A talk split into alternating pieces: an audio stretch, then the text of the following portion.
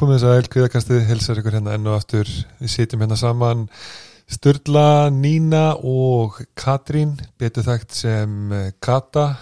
Eða Katzen, Kataklik Katsen, Kataklik, já, emmitt Killer Kate. Og við erum spennt fyrir þetta í dag.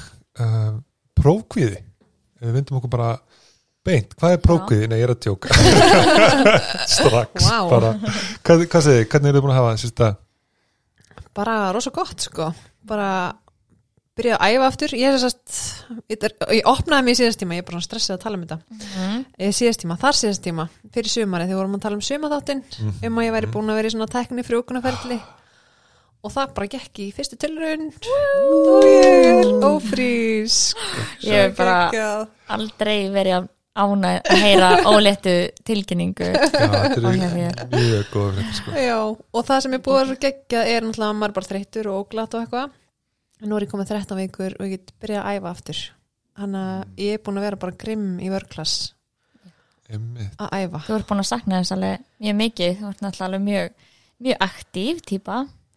Þetta er bara búið að vera erfiðast suma lífsmins bara að vera ekkert að hlaupa eða æfa eða neitt. Mhm. þannig að, en ég hef bara ekki helst til þess. Já, það er samt líka fínt aðeins bara á þá fattar maður, á læri maður að meta þú veist, emmitt hitt, já, ok, nú, Já, þetta er já. kannski í ákvæmni eða eitthvað, ég veit ekki. Nei, það er rétt, ég veit klálega okkur ég er að missa. Búin að fatta það. En það er alltaf geggja að vörklass er áfram að hérna, í samstarfi við okkur þannig að við erum svo heppin að geta verið líka farið meira í spæði saman og svona, núna út að þú getur kannski meira farið í potana og svona með Mhm, okkur, mhm. þannig að það verður geggjað Það eru mega næsvertir emmitt áframhaldandi samstarf með Workclass Mhm. þannig að þið fá að hlusta okkur tala mjög vel um Workclass áfram og við náttúrulega erum öll diggir aðdæðandur Já, ég bara kemst ekki yfir hvað er næst að, að fara í spæði svona eftir æfingu og Já, eða bara ekki eftir æfingu, bara að fara í spæði whenever. Og að ég líka já. elska hana æ, hana Það er myndu, nei nei, sko ég er ekki að tala um spaðið heldur búningsklefan sem maður fer inn í spaðið. Já, já, ég nota það alltaf fyrir rektina og það er bara eitthvað svona er svona miklu meir, eða stærra plás næði, og maður getur nota hangklæði og bara, Mhm. Sloppur, hanglega, alveg, veist, ég tek alveg eitt fyrir hárið mitt og eitt fyrir bara luxus Ég ætla bara að gera það líka. Já, Við erum að hangklæða fyrir hangklæði fyrir og allir bara eitthvað að horfa á mig. Hvað Hvað þetta er að gera? Æ, en ég er bara svo ógæslega það sem ég er ánæðast með spæði því eins og þið viti, ég er búin að vera með ógæslega mikið spæði ég er náttúrulega að fara alltaf í kalda og ég er að taka svona tíu mitur korter. Mhm. og það leiddi mér að fara í sjósund. Ég, er eitthvað, ég lítið að geta verið að fara í sjósund líka og hérna, því er er búin það svo duglur í spaðinu já, nei, búin að svo tölur í kalda skilur Já, og já, kaldi já. er basically kaldar en sjósund er að sama og kaldi náttúrulega. Já, ég meina, ég tengi það bara saman skilur þannig sé, og, en þá er alltaf náttúrulega auðvöld að fara í sjóin af því ég er honum vanið kuldanum. Mm. og svo tók ég í gerð eins og kata við þetta, ég var ekki búin að segja þenni en ég fór hérna í Fossvakssundi í gerð nei, finnast í heimi sko. Hann vissi bara ekkit hvað þetta var eða hversu langt eða hvað hann var að fara að synda hvað hann ætti að taka var með, hvort það væri búnings hann var bara jólu, þetta er bara óvisæfing Já, þetta er hérna, var mætin inn þetta sig, mætti hann í kvöldmandalið í og svo synda mér yfir Kópók og tilbaka. What? Þetta er samt bara 1100 metrar, 1,1 kilometr og þú varst bara með flott pace sá ég á strafa Já, kom það inn, mér fannst það koma Já. eitthvað skengilega inn Já, Nei. ok, ég þarf að kíkja aftur já, Ok, já, þetta var En þannig vissir ekki hvað að vera langt enni Jú, ég vissi svona sirka skiluru og hérna, en svo er ég samt svo ég er að, þegar það er eitthvað smá ála á manni maður er að gera nýja hluti og maður er að vinna og það er svo mikið í gangi ég var að pakka í töskóni fór að hjóla nýru nöttasvík og ég labbaði fram og þá fattaði ég, ég glemdi sundskónu mínum og ég náði þá, svo fattaði ég, ég glemdi hangklæðinu mínu. Svo fattaði ég, ég glemdi sundglurunum en ég fór þrjár ferðir og bara bara Vá. konum ég var bara, stili, hvað er að gera Já, þetta, sko? ég er svo auðvitað mig, sko. En ég held að Það sé svo svolítið en var það þannig að potturinn var búin að undirbúa þig fyrir sjóin Já, hann er alltaf búin að gera það alveg klálega, maður er duglegur að mæti kalda og hérna, þetta er samt Já, bara venjast bara Já, svona þetta er öðruvísi samt veginn, já, Já. já, þetta er og ég er náttúrulega búin að vera að fara að syndi í sjónum sko, en þetta var náttúrulega miklu lengra. Mhm. og hérna, ég var alveg dofin í puttunum í lokin sko, Já. svo svo Oh my fyndið, svo maður fyrir upp úr. Og hérna, og maður að taka sér sundettin og eitthvað, er maður á svona með rið, bara með svona svona svimatilfinningu skilur svo er eitthvað gæla að taka myndir og ég eitthvað svona stóð bara en að halda mig bara en ég myndi ekki detta bara, bara með sjóriðu bara. Já. Já, en já, þannig að ég mæli indrið með að það er spæð og svo beint í sjósund. Eða öfugt kannski. Já, eða, En ef við ekki að dempa okkur í hérna agenda, þessi Jú. dagskrana fyrir hérna, tíman í dag. Mhm. um, Þannig að fyrst ætlum við að tala um já, hvaðan eh, hérna prófkvið sprettur, þessi hver eru svona kannski einhverja orsakir á því að við þróum með okkur prófkviðan Og erum við ekki líka að tala bara almennt um námskvíða? Þú veist, Jú, jú, bara líka, já, já, og svona, já, það er í verkefni og próf. Já, bara allt svona sem að Já. felst í námanu kannski, já. Einmitt. og, og svo hvernig byrtist þessi hérna kvíði, hvaða svona enginni uh, hérna eru mjög algeng í prófkvíða eða námskvíða og síðan alltaf að færa í lókja svona hvað er hægt að gera uh, einhver verkværi og hérna síðan alltaf við svona kannski að tala um hvað hefur virkað fyrir okkur líka mm svona, til að fá hugmyndir og sliðis Enda öll búin að vera í mjög löngu og ströngu námi Já, til að verða sálfræðingar við gert eitthvað, eitthvað rétt. Við hefum einhverja reynslu allavega að því að vera í skóla og taka próf og verkefni og eitthvað. Smá. En hvernig gekk ykkur annars í skólum? Eða þú veist, voru þið með mikið námsprókviða eða? Ég var, ég er náttúrulega bara kvíða krakki sko, eða þú veist og hérna, ég var allavega þannig í mentaskóla þá var ég svona típa sem var kannski með svona fullkomnur ástu, var oflæra var samt líka svolítið svona svona superstitious eða þannig var alltaf með svona happafíguru í pennaveskinu What? já, Mér finnir hvernig Já. er fíkur á þetta? þetta var svona lítill bánsi og, ég, og ég var alveg samt svona vissi, þú veist, ég var alveg að passa engin sæjan, þú veist, þetta var alveg svona pínu vandræðilegt Ertu með hann? Er hann nei, nei, nei. Alveg, við þurfum að stoppa skoðan? Þannig að ég tengi alveg við, þú veist, námskviða og prófkviða. En svo finnst mér einhvern veginn bara, náttúrulega þetta mikla exposure að fara í háskóla og BS og, og svo master. Það var kannski smákvið í BS en svo í master var maður einhvern veginn búin að besta þetta og master þetta. En þið? Uh, ég held ekki sko, eða þú veist allan ekki kannski fyrir í háskóla. Uh, þá svona, ef ég hugsa tilbaka, þú veist, mér fannst ég ekki að vera prókviðin en, eða svona þannig sem námskviðin en þegar maður lítur hvernig hegðinu manns var þú veist, maður var að vaka allan nætur og svona, og ég hugsa með mér, ég hef aldrei verið að gera það ef ég ekki verið óslega kviðin já. þannig ég einhvern veginn hugsa þetta þá í öfugri röð. En í grunnskóla og mentaskóla var þetta meira tengt bara að ég vildi standa mig og fóreldrar mínu eru ánæðir þetta var svolítið þannig, ég vildi bara svona standa mig, ég var ekkert eitthvað allir kvíðin fyrir hann eins og ég segi háskóla kannski þetta þurfti, skipti virkilega máli kannski. Skipti máli og ég held líka sko álægi var svo mikið, það voru mikið af verkefnum. Mm -hmm. það var líka bara ef ég ætla að komast yfir þetta allt saman þá þarf ég bara að vera að vinna framöttur oft eða ég upplifið það allavega. já, já. eða fannst þér að vera kvíðatengt? Ég er nefnilega, ég bara, mað, eða þú veist, ég veit, ég held að hljóta að verið ég held, nei, ég held að þetta hafi verið meira bara því ég hafði, þú veist, ég með svo sterkar skoðunum með langa að komast í masterinn, þú veist, og svo þriðja árunum var ég bara, ok, þú veist, nú er ég ekki búin að vera standa mig alveg nóg vel, en ég ætla að standa mig ekstra vel, ekstra bet, eða þú veist, enda betur, þannig að ég svona tók mig alveg á, en ég gerði það á vittlusan hátt og ég fatt ekki fyrir í masternum að maður lærir ekki alveg svona, þetta er ekki alveg, og við tölum að sem það, ég myndi eftir um hvað það. námsaðferðir henda, þannig að Nákvæmlega. ummitt, en þú Nína? Uh, ég myndi ekki segja að ég hafi verið með eitthvað svona námskeiða prókviða en ég átti það svolítið til að svona vera og fljótverð oft og ég var svolítið í því prófum alltaf að reyna að vera eiginlega bara að klára sem fyrst sem í bara og til þess að þetta væri bara svona búið einhvern veginn. Og lappar þá út að sastu og, Ég lappaði út þá. Ég hef aldrei átt að mig á einmitt Ég hef átt að hugsa með mér, eitthvað lappar út og slega snemma er alltaf, Já. ég skil ekki alveg Já, það er samt, þú veist, náttúrulega sumi gera bara út af því að get ekki svarað einhverju eða Já, eitthvað já. svoleiðis en svo kannski, en ég var ekki kannski að fara eitthvað rosalega snemma út en ég reyndi alltaf að vera bara sem, eða þú veist, mér langaði alltaf bara að klára þetta sem fyrst, bara til að hvíðin væri búin einhvern veginn. Og þá oft lendi ég, ég lendi eins nýði að við áttum að gera sér sett uh, með minni svona þrjár litlar svona litlar reitgerðarspurningar og ég gerði bara tvær. Þú veist, Oh glimti bara God, þriðju. Og ég wow. hef lent alveg nokkur sem í þessu þú veist að ekki að gera allt sem að stendur á prófunu einhvern veginn. Þannig að það var svona já, svolítið vandamál hjá mér og já, ég lendi alveg í því á síðast árun mínu BS og ég held að það myndi bara einhvern veginn klúðra því ég myndi komast inn í masterinn og eitthvað svona en svo bara var, var það ekkert mál sko. en ég held að það væri bara alveg end, endurinn af heiminum sko fyrir mig. En, en já, og hver var neyðistan á, á prófinu? Svo? mér bara gekk mjög vel sko. En já, Æ, þannig að það hefur verið svona uh, aðal svona áhyggjum efni mitt í tengslu við námi Var ég búin að segja eitthvað þegar ég hérna, fjall í fyrsta skiti? Nei, Var ég ekki búin að segja eitthvað? nei, Ah, á ég að segja eitthvað? já, Ú, ok. Hérna, þegar ég var í Vesla, ég held að ég að vera á þriði ári. Þetta er ekki talungsæði, ég ætla að reyna að drefa mig. Hérna, þá var ég nýbúin að fara í sömarskóli í Þískalandi í þrjár vikum með bróðum mínum, mamma og pappi voru eitthvað svona, vildu örugglega bara losna við okkur í heimilinu og voru eitthvað, sendum strákan í sömarskóla til Þískalands, þá var það ekki ekki góður í Þísku. Svo eftir sömarið þá fer ég bara held ég áfram í Þísku, þarna á þriðja árið eitthvað, fjórða minnir, þriðja held ég frekar. Og ég bara fell í Þísku um jólin. Og ég er bara, fyrsta skipti sem ég fell á aðeminni í einhverju, hef alltaf verið fýtt námsmaður og mamma og pappi nýbúin að borga fyrir mig þrjár vikur í Þískalandi og ég náttúrulega þorði enga veginn að segja mamma og pappa að ég hefði fallið í Þísku sko. en ég var svo heppilega að fara í aðgerð um jólin, semst að vera að taka hálskirtlana úr mér. Þannig ég fer upp á spítala og með mamma og pappa, þau voru með mér.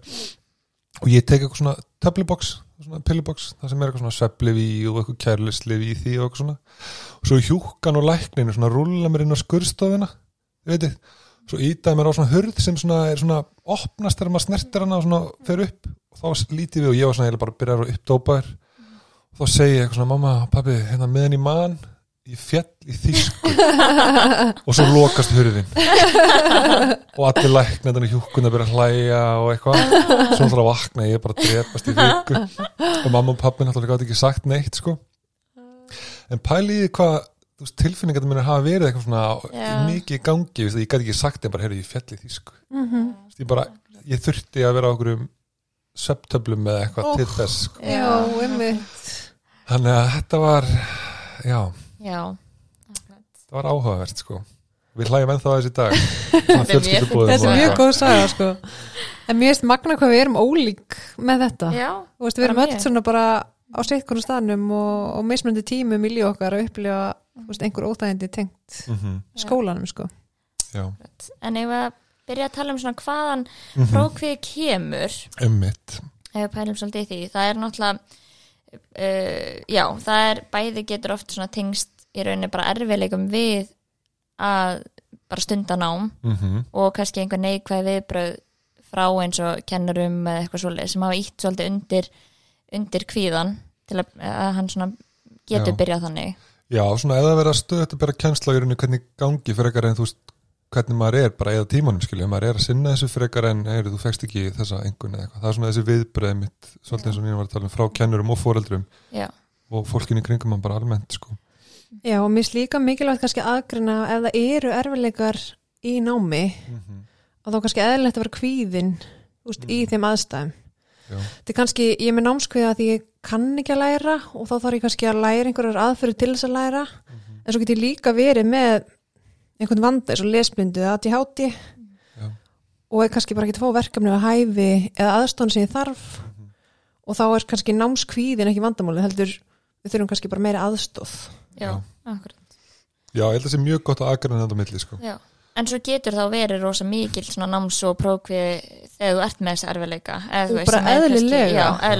að þú ert ekki að fá verk- verkefni að hæfi og aðstofuna og það er kannski ekki fókusin okkar hérna í dag. Nei, heldur meira einmitt þegar við upplifum Mhm. að við séum ekki nógu góð eða höfum ekki nógu mikið sjálfstrust í námi. Já, En mér finnst líka held ég ekki gott að taka fram henni í byrjun, þú veist eins og með veist í grunninn er það mjög eðlileg tilfinning og mjög gagleg tilfinning.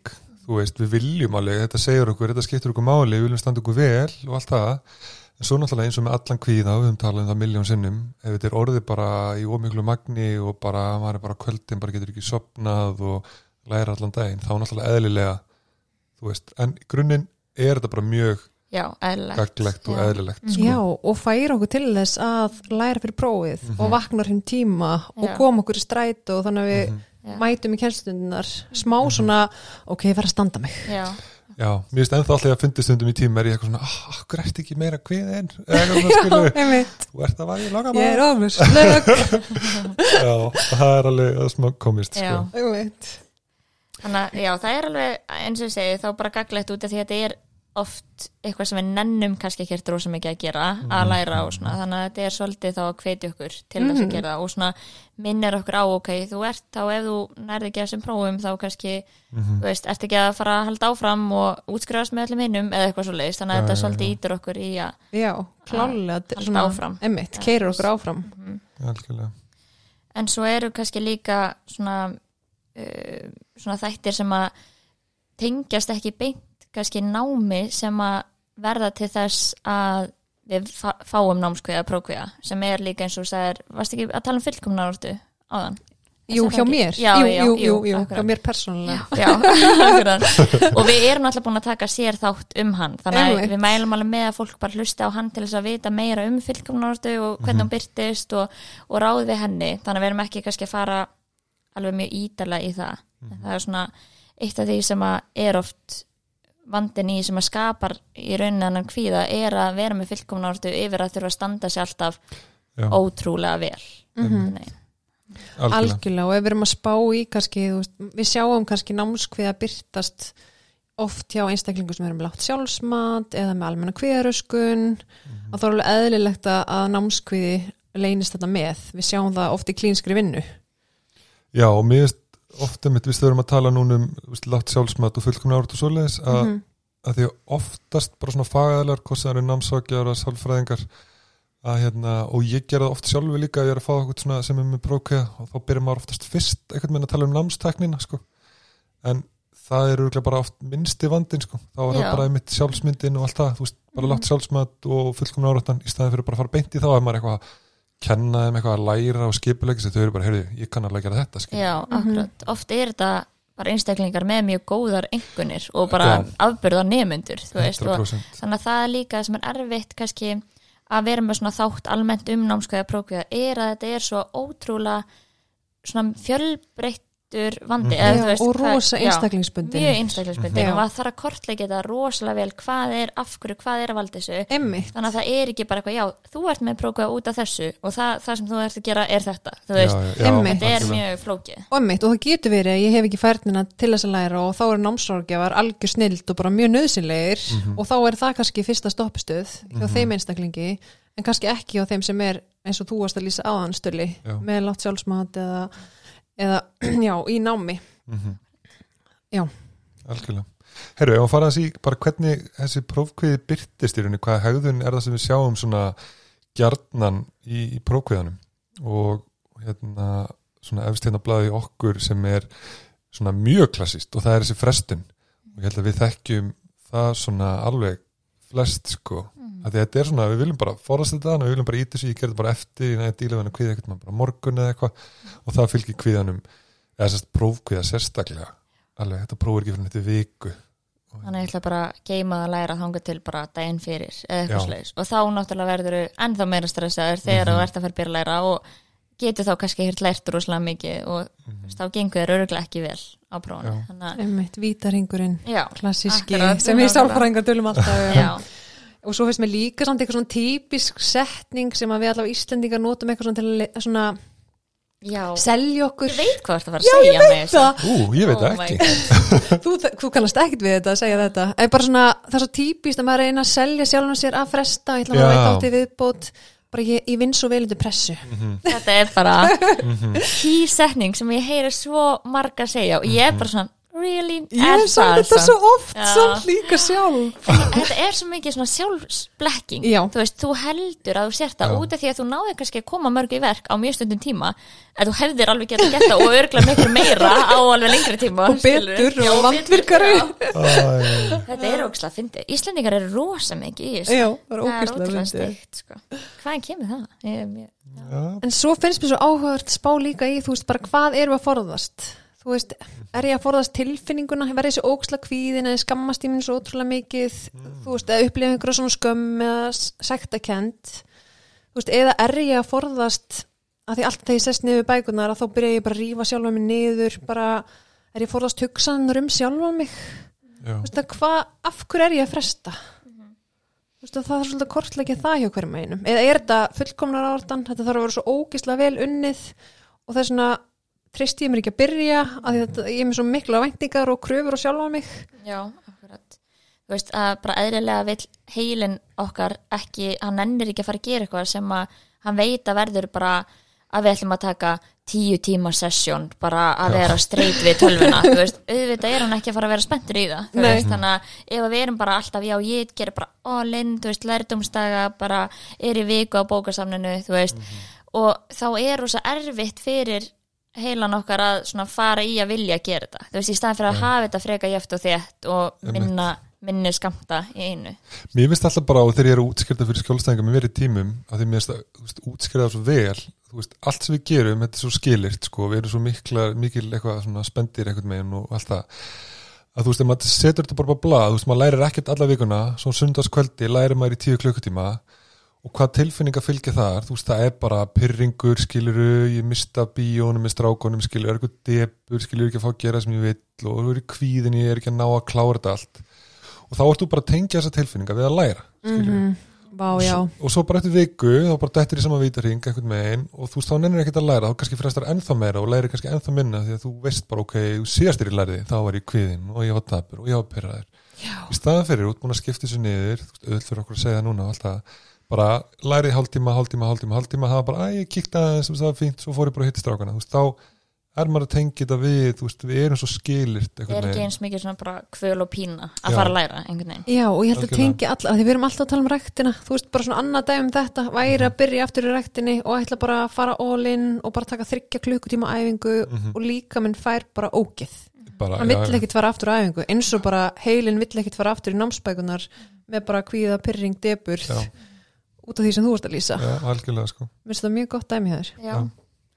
og svo er líka bara alltaf þessi kvíða einkenni, þessi líkamlega einkenni sem eru mjög algengt að fólk talar um sérstaklega í prófkvíða að finna fyrir svona miklum líkamlegum einkennum þegar þú ert að fara í próf. Þú veist, þá er það bara mjög algengt eins og niðurgangur eða óglæði eða eitthvað svo leiðis og hérna uh, já, hvað hva meira bara skjálti og, og hræðhjársláttur og allt einmitt. þetta, þú veist, öll þessi líkamlegu viðbröð stresspiss og prófa að skýta það er ekki eitthvað svona klassísk orð. og það er alveg, það er alveg algengt, þú veist, það er líka eðlilegt að það koma einhver svona einkenni fyrir próf hjá Já, öllum, veist, það er bara að tengja allir einhver liti við þetta, en svo er margir líka sem að lýsa í prófi að bara svona hugurinn tæmist. Það er mjög algengt að fólk segja það já. já. og það er líka svona þetta bara kvíða einkenni að svolítið að þegar við erum í þessu kvíða viðbræði þá er heilin okkar ekkert mikið í því að muna eitthvað langt aftur í tíman hann er bara svolítið bara hvað er gerast akkurat núna? Hver er hættan sem er til staðar? Og þá þurfum við svolítið að í prófunu að leifa þá svolítið bara kvíðanum að koma og leifunum svolítið þá bara ok, hann er svo að fara að líða hjá og þá munið þetta allt koma tilbaka Einmitt. en þóttu mannst ekki í nokkra mínútur að meðan að hver viðbreið er í gangi sem að tekur svona max tíu mínútur að líða hjá að, að þá erum við kannski ekki að fara að muna allt en svo dettu við í gang eftir að hviðin er búin að líða hjá. Þannig að það má ekki eftir, þú veist, í þessum fyrstu fyrstu mínútunum með alltaf þegar hviðin svolítið kemur að trúa honum að þú mannst bara ekki neitt skilur við Já. Einmitt, og mér er svona gott að hugsa ég sé alltaf við krakkana, þetta er bara svona tölva sem frýs svo dettur hún online aftur. Og þetta er svolítið þegar hver viðbræð er komið í 8, 9, 10 þá er, erum við bara að bregðast við hættunni í rauninni, eins og þú segir.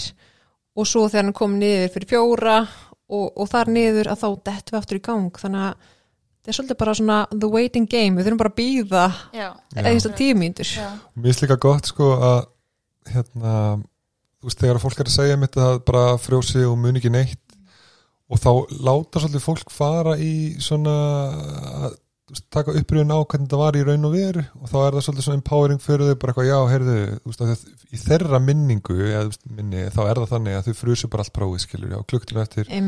Ef maður tekur með þér, ok, og, en ok, förum bara í þetta bara, bara skref fyrir skref, skilur, nú bara setjum þú hann í stofinni og ert að frjósa, skilur og hvað, sastu bara í klukkutíma og horfðu bara upp í lofti, skilur og hún er eitthvað, nei, þú veist, ég eitthvað, ok, hvað er þetta, tímyndir þá, já, já, þetta er kannski svona fimm myndir og hvað gerir þú svo, fórstu svo bara labbaður búið úr stofinni, en svo oftast þá heyrir maður fólki segja, já, nei, heyrðu, svo bara held ég áfram, skilur einmitt, en svo finnst mér einmitt að ég vil líka alveg vera með nokkra sem fara bara út úr stofunni. Já, ok, og þá er líka einmitt svo gott eins og þarna bara þetta dæmi að bara, já, vera áfram. Vera áfram að það líður hjá. Ekki vera eins og Já. Nína, ekki vera að dreifa þig.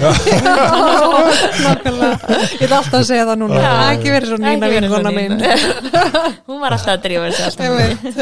en fólk er svo fast í því bara það svo, þú veist, þeirra huga er bara staðarind bara að það er bara frosið og hafi ekki gert neitt og hafi gengið umölu á prófunu og svo maður, ok, hvað finnst það prófunu 8,5 var alveg, ok Já, man myndir það í alveg ekki neitt já. já, ég veit, hvað, já, hvað er að gerast eða þú veist, þannig að Einmitt. þetta er og svo munum við náttúrulega að fara í aðferðar eftir en þetta er svona kannski eina aðferð sem ég langar að skjóta inn í Já. er að þegar mætir í prófið að drita niður svona punktum sem þú mannst eftir einhver svona mikilvægum formúlum eða einhver mikilvægum þú veist, manneskjum eða ártölum eða hvað sem þú þarft að muna já, og áður en opna prófið út af því að þá fer hví að við í ganga þú ert að þú veist, skoða hvað spurningar er í gangi og allt þetta, þú veist, að þá ertu búin að setja niður þessar svona kannski líkilatri sem þú þarft svona, svolítið þessi að set, búin að setja það niður á blað, áður en opna spurningar það er alveg snitt ég held að ég hafi gert þetta stundum. Já, frá, í gegnum árin, þetta er alveg þetta er gott sko.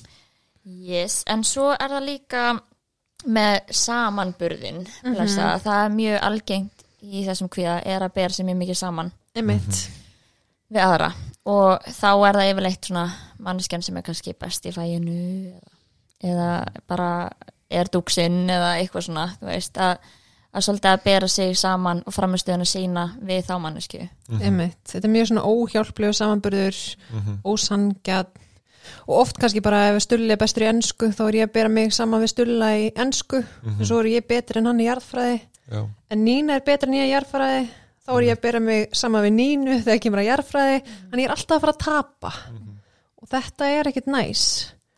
Og þá er alltaf svo gott að hugsa ok, væri ég alveg til í að skipta við Nínu? En væri ég alveg til í að skipta við Stulla eins og við tölum svolítið um Já, í fullkomna aldrei þættinum. já. já. já, já, einmitt þessi samanbyrðu þarna sko, já, þetta er einmitt þess að segja, mér finnst þetta áhvert maður velur alltaf besta sko. Og ég segi þetta í skjólstæðinga, ég get alveg labba hérna um bara núna fram farið til allar sálfræðingan og þau eru betur en ég í einhverju og ég bara, mér lífur umula er, En þú veist, er eitthvað sem að þau myndu öfunda mig af, skilur Ég er alveg að fara að vinna í samanbyrðinum ef að ég myndi lega mér að fara þangað. já, en svo er þetta náttúrulega kannast allir við það, ég veit ekki, þetta er bara ég veit ekki hvort það sé að lönd, jú, hlýtur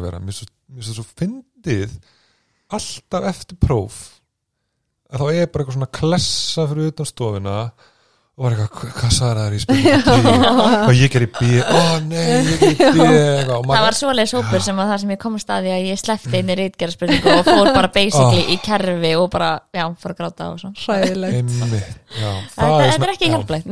Nei, alls ekki hjálplegt. Ég var klálega þarna, bæði í, í mentaskóla og bachelor gráðinni, en sem betur fyrir ættum að þessu Já. síðan. maður fann það bara í mastendum, þú veist það var enginn í svona pæli í þessu, fólk var bara eitthvað, já hvað segir, ætlum við hittist í kvöld bara, það var enginn að pæli Eða, ekki bjóra eftir, Já. eftir prófið, eitthvað svona. þetta var mjög ríkjandi í BS manni og, Já. og Emitt. Nákvæmlega. En ég held að það sé mikilvægt einmitt, uh, við erum ekki bara að læra maðurferðir og allt það en strax en að Við erum má- greinlega spennt fyrir Já. því, Já. alltaf svona lauma inn einhverju. og ég, já. bendum ofta á bara einmitt fólki bara að það má bara fara úr prófinu og fara út í bíl eða segja bara hei, nenni ekki að tala um Já, próf, getur við tala bara um ballið á morgun eða eitthvað Já. mörg, Setja bara mörk, já. algjörlega. Nákvæmlega. og það er mérst líka með samanbörðin að svona minna sig á að við erum öll á þessari svona normalkurfu og kennarar vilja að yngunir séu bara á svona normalkurfi þú veist að séu flestir bara með bara hvað, þú veist 6 til 7, eða þú veist 6, 7 eitthvað svona í kringum það Mhm. og séu fáir með 9 og 10 og fáir með 3 og 4, eða þú veist að falla skilur við mig, þannig að ef að við erum í miðjunni og erum alltaf að bera okkur saman við þessa 2-3 sem eru kannski að fá 9 og 10 Mhm. þá erum við alltaf í þessum eins og hún tala um bara samanburði við einhvern sem er kannski já, bara mjög góður í því fæi. En síðan erum við líka svo kannski fara þeir sem eru mjög góða námsmenn svo að flest allir kannski þessir sem eru í toppnum fara svo kannski í mentaskóla sem er mjög erfitt að komast í og þá er normalkurvan þar og þá ert þú bara komin kannski miklu lengra aftur í normalkurvunni heldur en hún vast og algjörlega, það getur verið svolítið erfitt að fara úr því að vera kannski ofalega yfir í að fara í miðjuna og það Mhm. getur verið svolítið skellur oft fyrir fólk. Já, það það- getur verið það er svona- skellur oft þegar maður tekið eftir, já. Vera klárust einmitt í grunnskóla, svo er Já. maður komin í Vestló MR eða eitthvað veist, og svo er maður alltaf náttúrulega bara, herri, ég er bara í staðar. miðjunni, já, já. og það er Mhm. svolítið svona ég er alltaf vinna að vera best í þessu eða ofalega og þá er það svona ok, byrju, hvað er ég þá er ég ekki góður námsmaður en þá einmitt. ertu bara bara hópurinn allt öðru sig Já. og það þýðir ekki að þú sért lélegu námsmaður eða eitthvað Nei. svo algjörlega, ég hérna og já, ég held að segja, já, mér finnst normálkonan einmitt, hún er náttúrulega oft mikið að tala um hana í, þegar maður tala um að þú veist, þetta er svo, við erum bara allir í ykkur kurvu þið viti, þú veist, maður er góður í þessu lillur í þessu, sumir eru góður þarna og eitthvað svoleiðis. En mér finnst líka svo góð umræða svona þessi líffræðilega séð með samabyrðina, því að við erum öll ef við förum aðeins í eitthvað svona taugabóðefni og eitthvað svona heilan og svona að hann er náttúrulega, veist, ólíkur í öllum og bla, eins og við vitum öll. En við erum, við lærum öll ógæslega ólíkt og eins og við búið að vera að koma meir og meira rannsóknur um þú veist, eins og sumir kannski ná öllu kannski snemma á önninni þú veist, og ég held að sé orðið námshillur talaði um þetta eða eitthvað, minn ég man ekki alveg hvernig orðið er þú veist, kannski í starffræðið eða eitthvað þú veist, þá kannski næ ógæslega litlu til að byrja með, þú veist, kannski lok annar þá byrjar þetta allir að kikka inn hjá mér. En svo kannski einhver annar sem þessu bara strax, þú veist, snemma og svo helst hann bara stöður en svo ef maður ber þetta saman og er ég þá eitthvað vittlausari manniskan sem náðu þessu úkslega snemma? Versus ég náðu þessu svolítið seint á önninni það er bara því við erum bara við lærum þetta mismundi hraða einhvern veginn. Okkar er Einmitt, já, mér finnst þetta geggjaða punktur að því að námshraðin okkar er eitthvað sem erfist. Mhm, og svo erum við líka með mismöndi bakgrunn. Ég kem kannski frá fjölskyldu það sem er bara rosa mikið verið að leggja grunn í starffræði einmitt, og þá er bara miklu auðveldara fyrir mig að mynda einhverja tögatengingar og tengja það sem ég er að læra núna við einhverja fyrri þekkingu og Já. þess vegna nægið í hraðar heldur en einhver sem er kannski bara á fóreldra sem eru lista miðaðir og eru mikið að mála mhm, eða fjölskylda sem er rosalega svona í líkamsrækt á meðan að það bara væri kannski fljótar nýjan á einhverju íþróttum. Já, algjörlega. Þú veist þannig bara hvaða bakgrunn höfum við hvað erfðu við varandi námsræð og vinsluminni þetta er svo margir þættir og það er ekki bara eitthvað svo einfalt ég er bara heimskur eða ég er óksla klár. Og þetta er líka, þetta er líka, þú veist, þetta er ekkert endilega líka bara yfir önnina, þetta nær oft líka bara yfir bara ef ég hugsa um háskólanámið þú veist, ég ætti alltaf ókslega erfitt með tölfræði og eitthvað. Svo bara í lokin á marstöðnum, þá er ég bara eitthvað tölfræði er bara svolítið næs skilur Já. það er bara svolítið skemmtilegt. Ég hendi bara kíkvarat og ég bara skil, ég ætla bara að hafa svona tépróf eða eitthvað skilur ég ætla bara í master í tölfræði. Já, versus kannski Bjarki vinnur okkar einmitt. Mestari, hann kannski bara var með allt á fyrstöðun og ég bara, hann, hann er Hann með er þetta, bara ég er svo heimskur skilur Já. Já, og bara hvað er að mér, okkur get ég ekki náð þessu? Eða þú veist, okkur og þá bara einhvern veginn, já ég er lélur í tölfræði. Bara að stimpla það eitthvað Algjörlega, eins og það sé einhver staðreind Einmitt, en núna byrja. Mhm. kunnið þið Bjarki örgulega tépróf já, vel skilur þú varst bara hans lengur að náðu því. Fimm ár. Algjörlega. En mér finnst það líka með þetta bara hvað segir einhvern okkur? Þú veist, Mm. mér finnst þetta líka vera bara svo mikið um það, þú veist er einhvern að segja hvort þú sért lélegur í tölfræði eða góður tölfræði er, er hún að segja, veist hversu Heppin. eða líka bara hversu, hversu heppin þú varst með spurningar ertu, þú veist, er það að segja hversu kennarim var, þú veist, hversu góður hann var að kenna þér þú veist, hversu vel matsi var við því og kennaran var hann að veita þér einhverja aðstóð eða var hann bara alltaf að veita einhverjum öðrum aðstóð og gata allir hjálpa þér eða eitthvað slags ertu með einhvern bakgrunn í þessu, þú veist? Já. Og er þetta, þá er þetta að mæla einhverja gáfur eða er þetta að mæla þú veist, þetta er, þú veist, þetta er svo afstætt þú veist, þetta er ekki þetta er ekki eitthvað, já, þú ert heimskur í starffræði eða ef þetta er um mig, þú veist. Já, alveg 100% mér finnst þetta geggja punktur af því það er svo ótal margt sem við höfum ekki stjórn á. Þú veist, einmitt bara eins og þú tala um kennaran og hvernig hann samti prófið og bara hvernig þú svafst hann á undan hvernig er þú stemdur og bara þín hilsa, líkamleg andleg, svefn, þú veist þetta er miklu meira heldur en bara heimskur eða gáðar þannig að við megum ekki vera já, að horfa á kannski einhvernir í prófum eins og það sé bara staðrind um hvernig við, okkur er að gangi í lífinu eða eitthvað svoleiðis, þú veist að það sé bara að mæli hverði á hvort þú ert að halda áfram í þessu námi og hvort þú verður góður starffræðingur eða eitthvað, eða þú veist góður sálfræðingur eða eitthvað, Já. hvernig þið gengur í tölfræði, eða þú veist Einmitt. það er svona að voða lítið svona samansemmerki þar á milli. Nákvæmlega. Já, og mér finnst gott líka bara að ef maður setur þetta bara í fyrir fólk sem eru að hlusta bara svona hann að fatti það sem við erum að tala með staðrind og það, þú veist, bara það að ég fengi segjum bara 5 í tölfræði, þú veist, það er bara staðrind en það að ég sé ömulugur í tölfræði og heimskur, það er kannski bara meira skoðun, skiljið, þannig að við þurfum svona einhvern veginn að einmitt. ná að grípa þarna, þú veist, að því að eins og við segjum alltaf við getum ekki breytt hérna staðrindum og ef við heldum að við séum heimsk sér staðrind, þá náttúrulega erum við ekki að fara að vinna með það þannig að mér finnst þetta bara geggjaða punktur en við erum að tala um hvernig prófkviði byrtist Já, við ekki? erum Jú. ennþá svona aðeins, við erum að blanda þessu smá saman. Já. Já, en, smá. en við erum eftir að klára smá í Já. hvernig það byrtist. Mhm. en það er líka bara, þú veist, þetta bara uppgjöf, bara gefast upp sem er kannski eins og frestun, svolítið bara svona forðast Þú veist, einmitt þetta bara að hætta í námi bara háskóli er ekki fyrir mig eða mentaskóli er ekki fyrir mig veist, bara, já, að gefast upp og það, manni finnst það svo sorglegt skilur, þetta er ó, það er bara leðilt að einmitt að pæli því sko já, algjörlega Einmitt, já. og svo er það þessi veist, eins og við höfum svolítið verið að tala um bara ég er umlögur, ég er heimskur þú veist, þessar skoðanir sem við höfum okkur sjálfum út frá kannski einhverjum staðarindum en Já.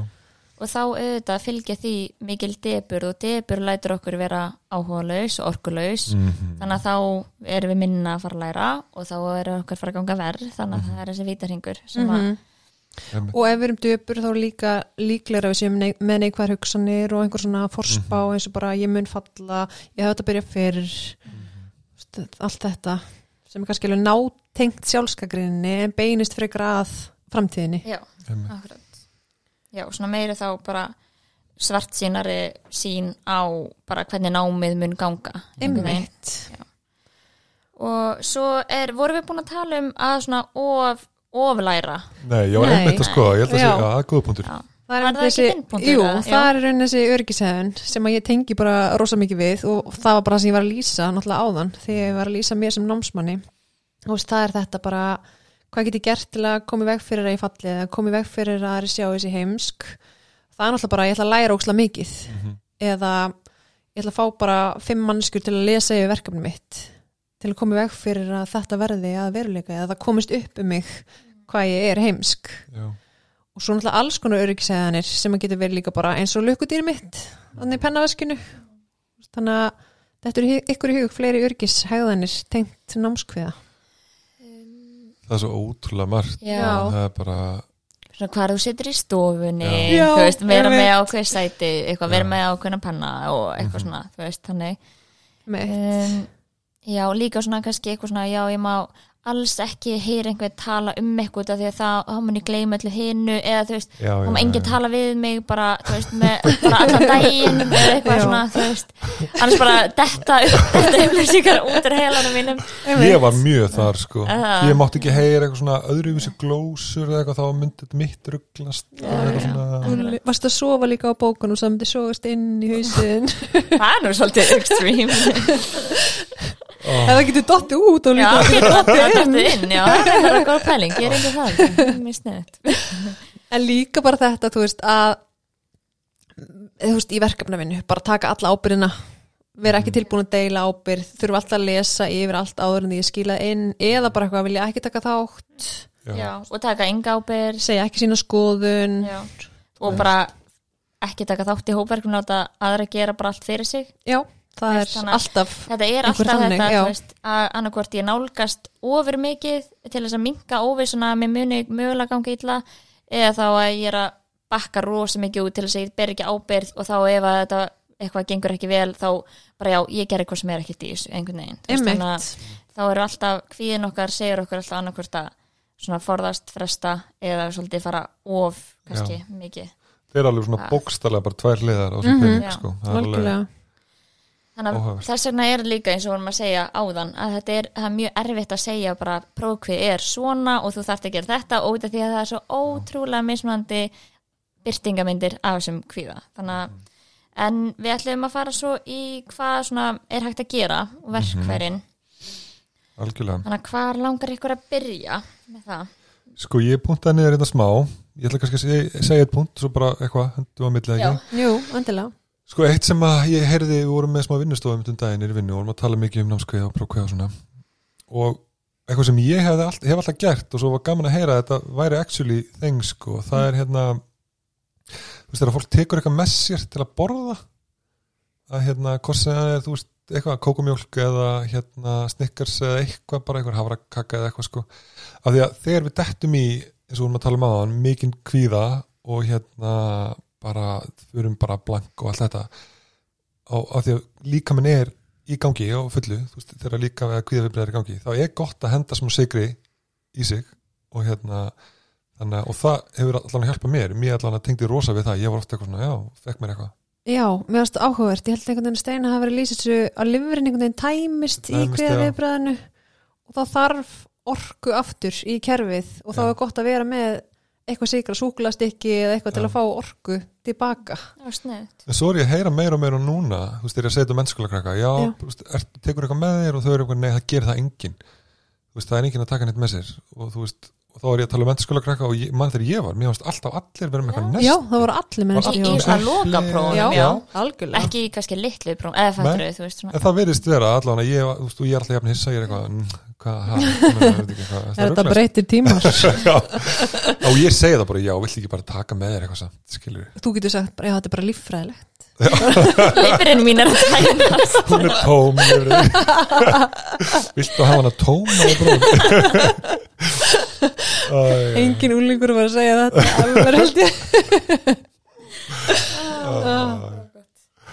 já, þetta er mjög góða punktur, þetta er alveg mjög sniðut já, um, mér, það sem er svona uppáhald sem mér, bara með svona um, til þess að vera ekki uh, já, bara til þess að tekla svolítið frestun að þegar þú ert að fara að læra undir verkefn, eða slókaprófi eða eitthvað svo leiðis, að leifa ekki tí, eða sem sagt ekki að leifa tilfinninguna að stjórna hvena þú ert að fara að læra eitthvað svo mikið, heldur að hafa tímastjórnun og þá er oft hægt að nota einhver upp eða eitthvað svo leiðis, en ég hef alltaf bara nota tæmer að hérna læra í kannski þú veist, stundum er það bara kortir, stundum hálftími, stundum kannski klukkutími í mestalagi og síðan að taka pásu. Og þá er það ekki að vera lengur heldur en tíminn segir. Út af því að þá erum við þannig líka að gefa heilanum okkar breyk á milli og svolítið að gera kannski eitthvað næs, eitthvað skemmtilegt fyrir okkur að borða, horfa kannski á þátti í 20 mínútur eða eitthvað svona eða spjallaði fólk eða eitthvað slegis til þess að heilin bókstala nenni þessu, þú veist, og standa í þessu. Þú veist, þannig að til þess að sé þá auðveldara fyrir okkur að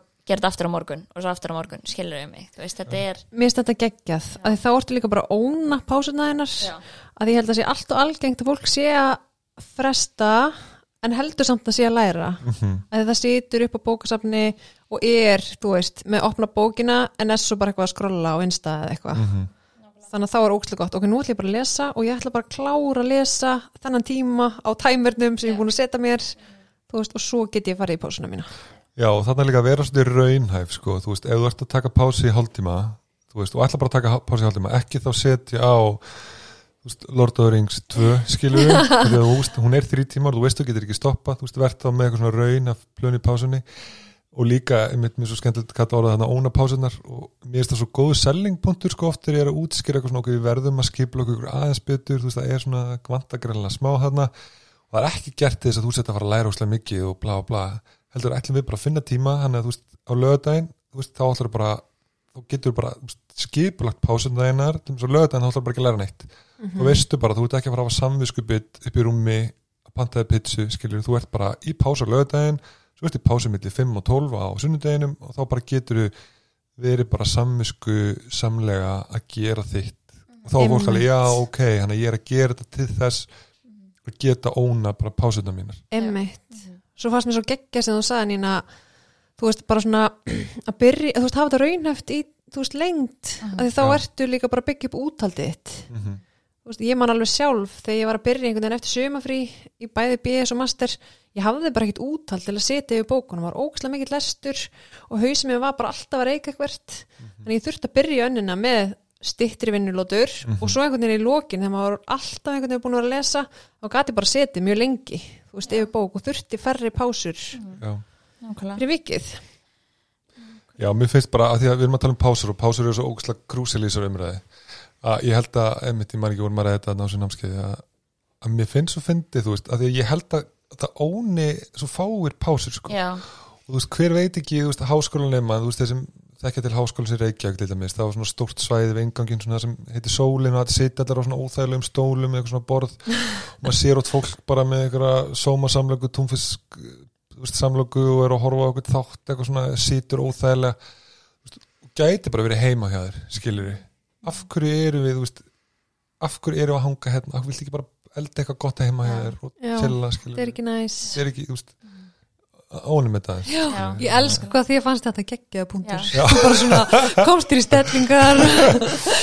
Óna, þetta, ég held að þetta sé svo ógeðslega mikilvæg punktur Já, sko. já.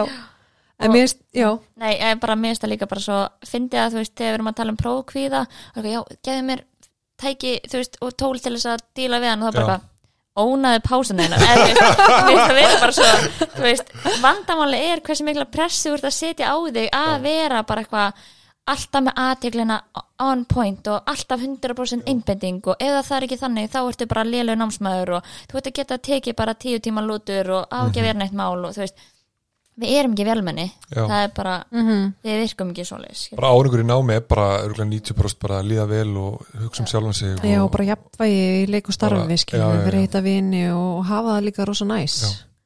Mér veist, ó, ég veit, við erum kannski taka langur tíma í þetta, en þegar ég fæ krakka yfir próftarðindar og það er bara eitthvað degi og stressi og ég er bara eitthvað, heyrðu, þú er bara að fara að reyfa þig. Bara eitthvað, það er að prófa föstudaginn. Já, ég meina, þú, veist, það bara, þetta virkar ekki svona, skilur, Já. fólk er bara í sjokki bara, Einmitt, þetta er bara að fara í pása eftir. Nákvæmlega, nákvæmlega, slaka á. Og það bara hjálpar, ég alveg talað. Já. það er bara 100% En svo veist mér líka bara svona að því frestun og bara þeir sem eru kannski í rosa mikill fórðun og eiga rosa erfitt með að bara, bara setjast niður. Mhm. að þá líka bara eins og Tómas Kristjáns tala um hérna í þunglindstættinum Mhm. bara prófa stutt, prófa í fimm mínútur. Já, já, já, sjá hvort maður detti, þú veist, í gýrin bara, bara til að fá sér stað. Já, algjörlega. En svo finnst mér alltaf bara mikilvægast í þessu er að ef maður er með mjög hamlandi námskveða og prófkveða er að fara til sálfræðings sem fyrst á önnunni Mhm. eða bara eins fljótt og getur en ekki þegar það er kortir í próf.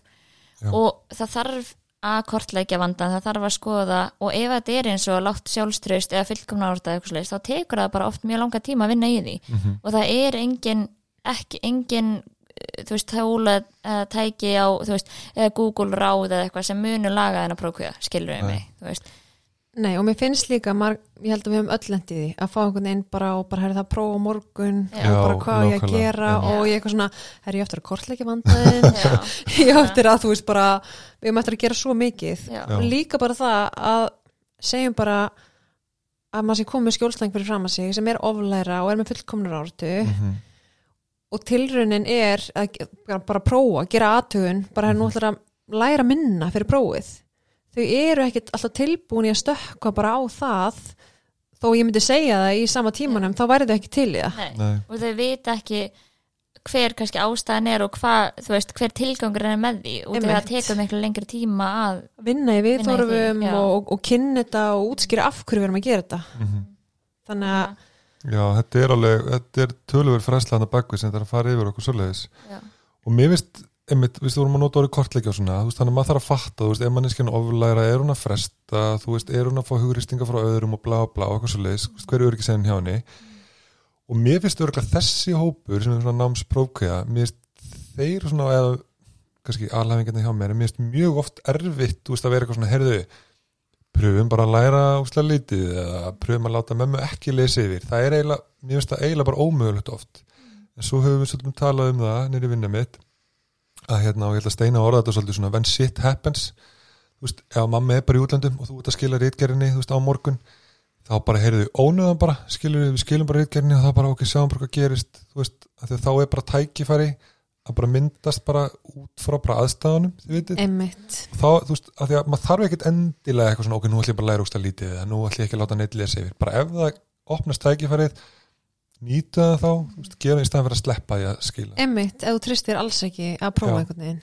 Algjörlega. Og þannig erum við kannski líka komin í þetta þú veist að gera aðtöðanir eða tilraunir og prófa þá að sleppa öryggishæðinni já, já, já, sem við vorum að einmitt. tala um eins og mér líka með dæminn sem við tökum áðan með hópaverkefnin já, að vera þá ekki að lesa yfir allt sem allir hinir gerðu eða vera, Mhm. hei, hvernig ætlar að gera þetta ertu búin að gera þetta, nei, ég gerði bara þetta fyrir þig eða eitthvað svona, veist eða bara, já, ég skila þessu svo bara á eitthvað Já. svona, eða þú veist, að þá sjá að það er vand, eða þú veist, að það er að valda kvíða hjá þér, þú ert að taka mjög mikla auka ábyrð á þig og þú veist, sem að veldur kvíða, skilur Mhm. að þá æfa þig í að þú ætlar ekki að skoða hvað hinn er að gera, ekki að pæla því, þú ætlar bara að pæla í hvað þú ætlar að gera. Út í því að það er svo ótrúlega viðráðlegt eða þú veist, þú átt bara að pæla í það sem þú þinn, þínum parti, skilur mig einmitt. Þannig að mér finnst það að vera til dæmis mjög góð æfing. Það er geggjöæfing og svo ef þú ert hinum einn Mhm. og ert ekki að taka neitt þátt í hópaðinu að þá emmitt, ok, ég vil taka mér eitthvað verkefni sem ég tristi mig til og, og sína og taka ábyrð Já, taka ábyrð á því nákvæmlega. og þarna líka bara, þú veist, ef það er kaplapróf og ég er að oflæra, ok, ég ætla að gefa mér daga til að læra þetta próf og svo ætla ég ekki að læra meira ef ég er til að læra 20 daga eða Já. eitthvað. Já, það mér finnst það líka mjög, mjög sko, mm, við erum ennþá að tala um bara hvað er þetta að gera í rauninni. Um, eitt sem mér finnst líka sem ég puntaði niður hjá mér sem að mér finnst mjög klassist sko þegar fólk er að lesa og jafnvel bara hvort sem það er oft bara eitthvað svona skjálsaga eða bara eitthvað svona námsefni að, og þið þekkið dörglega, þú veist, maður er að lesa og maður lesa alltaf það sama og svo les maður aftur blaðsina og ég veit ekkert hvað ég var að lesa þannig ég lesa hana aftur og aftur Mm. og aftur og aftur emmitt, og maður heyrður bara, ég las hann bara áttu sinum ég bara ná, ég næði ekki einbytningunni, skilju, hann ég bara slefti því og þá er svo gott að segja bara, heyrðu, lesum bara áfram skilju, lestu bara fimm blaðsíður skilju, þú veitir ekki neitt og þú mynd þetta í gang, skilju emmitt svo kannski í lokkaplans þá bara, ok, heyrðu, býtu, hvað er að tala um hér, já, ég þarf að fletta tilbaka og skoða það. Já. þegar maður er svo að mata kvíðan ef maður er eitthvað, ég veit ekki hvað er að lesa, ég þarf að lesa aftur ég þarf að lesa aftur, Já, og tryggarast alltaf aftur og aftur kvíðin einhvern veginn. Það maður er ekki að fara að meðtaka 100% af því sem maður er að fara að lesa alltaf eða þú nei, veist, nei, nei, það er bara að fara síðast inn eins og segir 50% einn blaðsja, kannski 20% önnur svo bara 90% önnur þú veist, Já. Það er bara út af því að heilin okkar virka þannig hann er bara upp og niður, þú veist, Mhm. einbyttingin og aðteklin og alltaf, en Já. ef þú ætla þá bara alltaf, nei, heyrðu 100% áður en ég fara næstu blaðsju, þá ert að fara að vera bara, Já. þú ert ekki að fara að ná yfir allt námsamni Emmitt, og fyrstu blaðsýðunar í köflunum er yfirlt bara eitthvað svona recap eða upprifun á því sem var verið að lesa í köflunum á undan, ef þetta er alltaf svona kennslubók, fyrsti kaplinn er alltaf svona bara eitthvað rosa einhvern og að algjörlega. Þannig að bara einmitt frekar koma aftur að því, eins og þú segir. Ég finn þetta rosa því ég les alveg frekar mikið og þegar ég lesa bara skáldsur og það er bara svo mikið af personum og ég bara, ah, Hver er Jón já, Jónsson? er Já. sko. en svo les maður bara áfram og svo er maður bara, já, ymmit, já, þetta make a sense. Þetta- og það er bara alveg Já, mér finnst þetta mjög gott ráð. Já, mjög. Og svo eru líka út að við ætlum ekki þessum þetta að fara í gegnum námsaðferðir þú veist, en, en það eru ef þú ert að fara í krossapróf, farða á Google og fyndu góðar námsaðferðir fyrir krossapróf, ef þú ert að vera rítgerða þú veist, þa- það er misjáft eftir krossaprófum, rítgerða spurningum þú veist, hvaða námsaðferðir eru bestar. Þú veist, þannig að Google is your friend. Yes, yes, your best friend. Já, ekki samt með eitthvað svona sjúkdómsengjum ekki úr með heilsukviða en ég ætla líka að segja þú veist, sem mér finnst ókslega gott og ég hef verið að nota í minni vinnu af því að ég er svona típa þú veist, ég lappa ókslega hratt ég er ó- mjög ofta einhvern veginn svona að drífa mig á stað og þá náttúrulega keirum við upp drifkerfið okkar eða kviðakerfið. Þannig að ef þú ert að fara í próf og ert bara ótrúlega mikið herfið það bara að drífa mig og svo bara er einhvern veginn að hlaupa á stað þá ert að ræsa kviðakerfið þitt. Þannig að í staðan fyrir það reyndu frekar bara að vera svolítið í sefkerfinu, fá þér eitthvað að borða, klukkutíma fyrir próf, verður bara í róliheitum, reyfðu þið bara hans hægar. Já, Þú bara veist- að gefa heilunum skilabóð, þú ert ekki hættu. Já. þú ert bara hérna chillandi bara du-du-du og leiðinni hérna í bílinn bara með eitthvað veist, tónlist, já, bara geggjað eitthvað nákvæmlega Og ég gerði þetta því að ég var alveg stressuð því ég var að byrja sem sálfræðingur á litlu kvíða meðurstöðinni. Mhm. Og hérna maður bara hitta mikið fólki og, og bara, og ég var bara að æfa mig að lappa bara hægt í brentaran. Og bara sækja blaðið hægt í brentaran. Og lappa hægt tilbaka. Því ég var alltaf að drífa mig og mér langaði að nýta tíman svo vel og ég vildi allt myndi einhvern veginn full nýtast skjólstæðingunum sem voru að koma í 50 mínútur og borga fyrir tíma minn. En þá var ég bara alltaf að keira upp hveðakerum mitt. Og þá náttúrulega bara nýtist tíminu örgulega verð Já. þannig að mér var það svolítið svona gott triks fyrir próf Já, allavega, Já, þetta er- reyða já. sig hægt.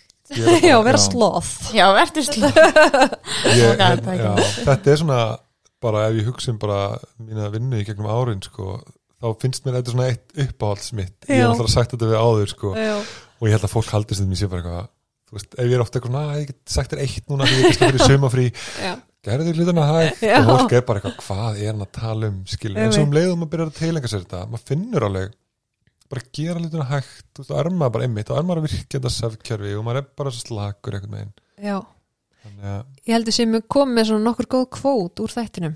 Já, bara ónaði já, verður sloth allir bara sem hlusta ekki þetta en bara hvað? Hvaða sálfræðingar eru þetta það er hérna við erum, þetta er fara að styttast í loki ákveð ekki? Uh, mér langaði samt eitt, segja eitt sko, sem ég var að punkta niður hjá mér aðan að mér finnst svona í sambandi við viðþorf og svona hugsanahátt og svona sem mér finnst oft mjög ríkjandi hjá svona einstaklingu með svona námskvíða. Það er svona einhvern veginn þetta viðþorf að þú veist, þau þurfa að vita allt og kunna allt og ætla að sína öllum að þau vita allt og ætla að sína ég bara kennarunum að þau vita þetta betur en kennarin skiljiði mig. Ó, já, emitt og, hérna, og þú veist það er alveg þannig mannskjöndar sem vilja standa sig ósla vel með Já. þessa fullkomna ortu og prófkvæðan og námskvæðan og það. Og mér svo fyndið ef maður tekur þessu umræði með þeim og svo snýr maður umræðinu við og ok, ímyndum okkur kennara núna. Tökum þess bara, ímyndum okkur bara kennarin hendur fyrir framann okkur og hann ætlar aðeins að segja okkur frá bara hvernig hann, hans viðhorf er. Þú veist, kennari mætir hann inn og hann er bara ok, hvernig get ég kent þessum krökkum þetta á bestan átt, skilur þeir eru ekki að pæli eitthvað neyð, ég má ekki heyra heimskulega spurningar, skilur þú veit hún ekki neitt þessi? Er hún ekki búin að lesa kaplan, hann er meira bara geggja, ok, hvernig get ég komið námsörnum frá mér á betri hátt? Þú veist, þú vanta sko að hugsa, þú veist, hinar hliðina, skilur kennarinn er hana, hann vill fá spurningar og hann, hans viðhorf er bara hvernig get ég komið þessu frá mér? Men þau eru bara, hann má ekki vita að Ég ég veit ekki, ekki, já. emitt og hva, þá væri þetta ekki góðu kennari ef hann væri Nei. bara eitthvað, þetta er heimsklu spurning. Bara algjörlega og það er með ok, hvað hvernig kennar er það, Einmitt. ef hann er að hugsa þetta, er það ekki svolítið absúrt pæling, já, og svo veist mér líka eins og þegar ég er að kenna það er ekkit leðilegra heldur en þegar maður fær enga spurningar. Maður vill Ah, einhvern veginn umræði hópin og maður vill fá að heyra hvað fólki veit Já. hvað því langar að vita. Þú veist, það er það sem gerir sko kennslu og einhvern veginn lífandi já. Einmitt, og ég maður spil ekki ofta, ok, hvað hugsa þú þegar einhver spyr svona spurningar sem gæti mögulega tólkast sem eitthvað heimskuleg, það er bara eitthvað, bara geggja, ég var að hugsa um að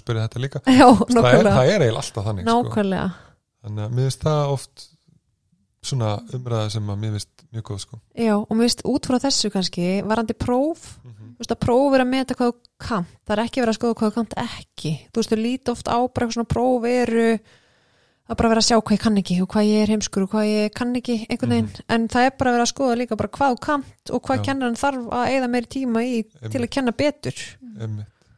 Og oft svona þessi meðanapróf fólk er alltaf ógslag oft kvíði fyrir því bara, að ég fekk bara fimm hérna meðanapróf og nokkuð svona, ég man eftir því bara í sálfræðinni sko að einmitt, þá var bara eitthvað, oh my god, ég kann ekki neitt. Freka það bara ok, farðu bara prófsýninguna.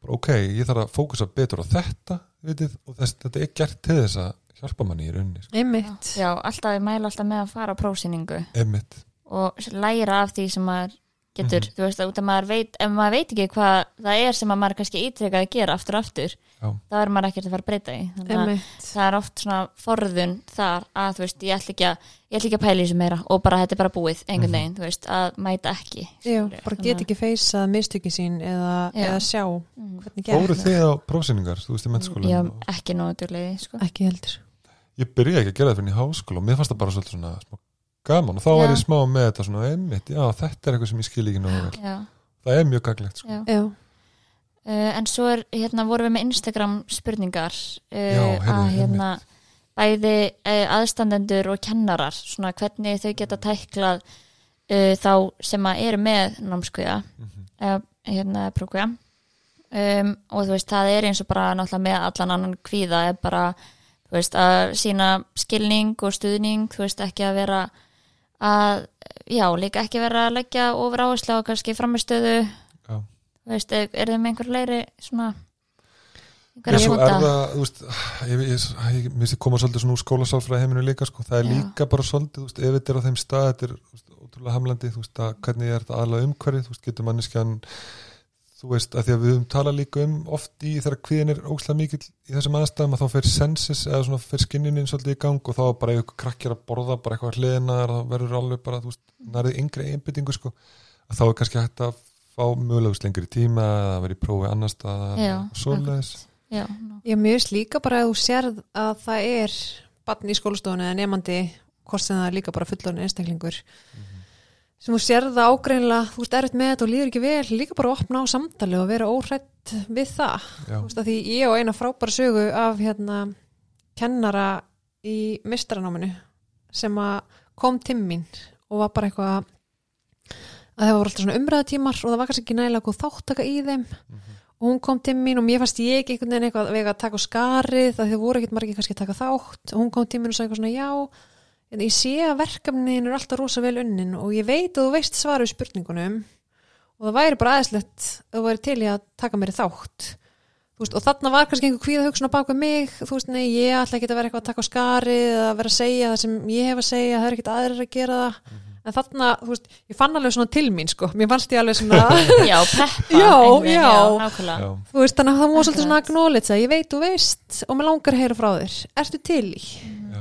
mjög ástæðislegt Nákvæmlega. en þarna er ég náttúrulega orðin fullorinn og er ekki kannski kvíðið barn í skólastofu Akkurat.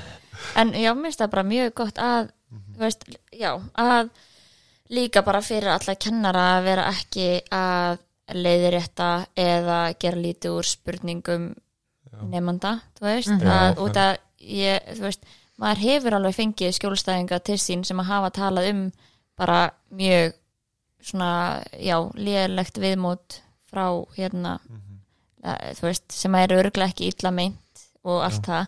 En að hérna, já, að bara passa svona, ef að það er eitthvað sem þú vill leiðrétta eða hefur eitthvað svona aðtöðsemt við nefnda að gera alltaf innrúmi þú veist, ekki algjörlega, fyrir fram allar bekkin einmitt. En að, að það er svona að passa þá liti.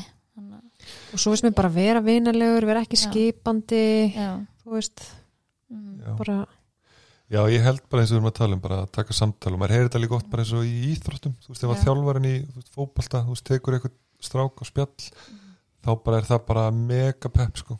Og Já. þjálfar eru samt eitthvað svo hrætti við þetta eitthvað, að ég er ekki mentaður hérna í sálfræði. Sálfræði eða eitthvað, þú veist, það, þú veist, þú ert bara fyrirmynd, sko, taktu bara og ef einhver hefur trú á þér veist, þá er það ótrúlega mikið eins og þessi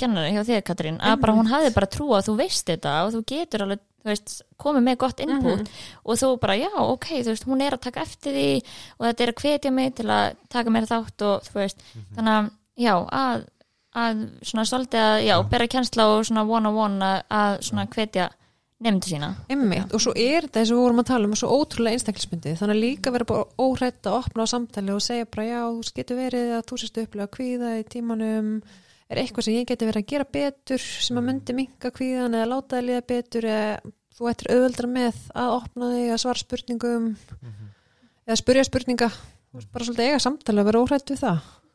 Já, ég held líka því að þú erum svolítið að um kennari, við hugsaum líka um fóreldra, ég held að það er einmitt einn spurning, þú veist, fóreldri í háskólanum eða eitthvað, hva, hvernig get ég hjálpað, sko. Að þá er það líka, ég held að fyrst sem ég dættur í hug er bara að hjálpa til við að skipulag og gera, þú veist, hjálpa þeim að óna pásunar, skilur við, getum við gert eitthvað saman í pásunum eða, eða eitthvað, get ég hjálpað eitthvað, vilt að ég spyrði út úr ykkur, eða bara, ég veit ekki, eitthvað svona bara Já, spyrja, hvað get ég akkurat. gert, sko. já, meira svona, já, hvað get ég gert til aðstöði frekar heldur en svona þú veist, akkur gerur ekki bara þetta eða Já, þú veist, já. eitthvað svona uh, já, að svolítið svona þú verður að bara leggja meira tími í þetta og gera betur og þú veist, þú ert Já. bara hérna að fresta alltaf mikið eða Mhm. eitthvað svo leis, að vera meira í þessu þú veist, á ég að þú veist, spyrja spurningar út í efnið eða eitthvað svona, hvernig, ein, bara já, hvað Já. get ég gert til að aðstöði held- forvitin. vera fórhundin, já. Ég held að það sé að því ég held að við kunnumst öll við það að við erum aldrei að fara að breyðast við bara, hvað þú verður að fara að læra? Hvað er ekki að læra, er ekki að prófa morgun? Þú veist, maður Mhm. bregst, það verður að koma já, Verður að koma innra með þeim, annars faraðu bara í mótur og bara nei, ég er ekki að fara að læra það er ekki að taka til í herbyggjunum mínu. Nákvæmlega, ég ætla ekki að vaska átti mín. Erum við þá ekki komin með svona, Jú, jú, þetta var bara punktina. ótrúlega skemmtilegt. Já, mér varst mjög gaman að tala um þetta. Já, eins og ég sagði í byrjun ég var smást, að því að við erum tölum svo mikið um þetta að ég held að við ættum, myndum ekki ná að fara yfir allt Ég vissi þetta er þið geggja, að því við veitum svo mikið. En takk fyrir okkur í dag. Takk fyrir Takk okkur. fyrir.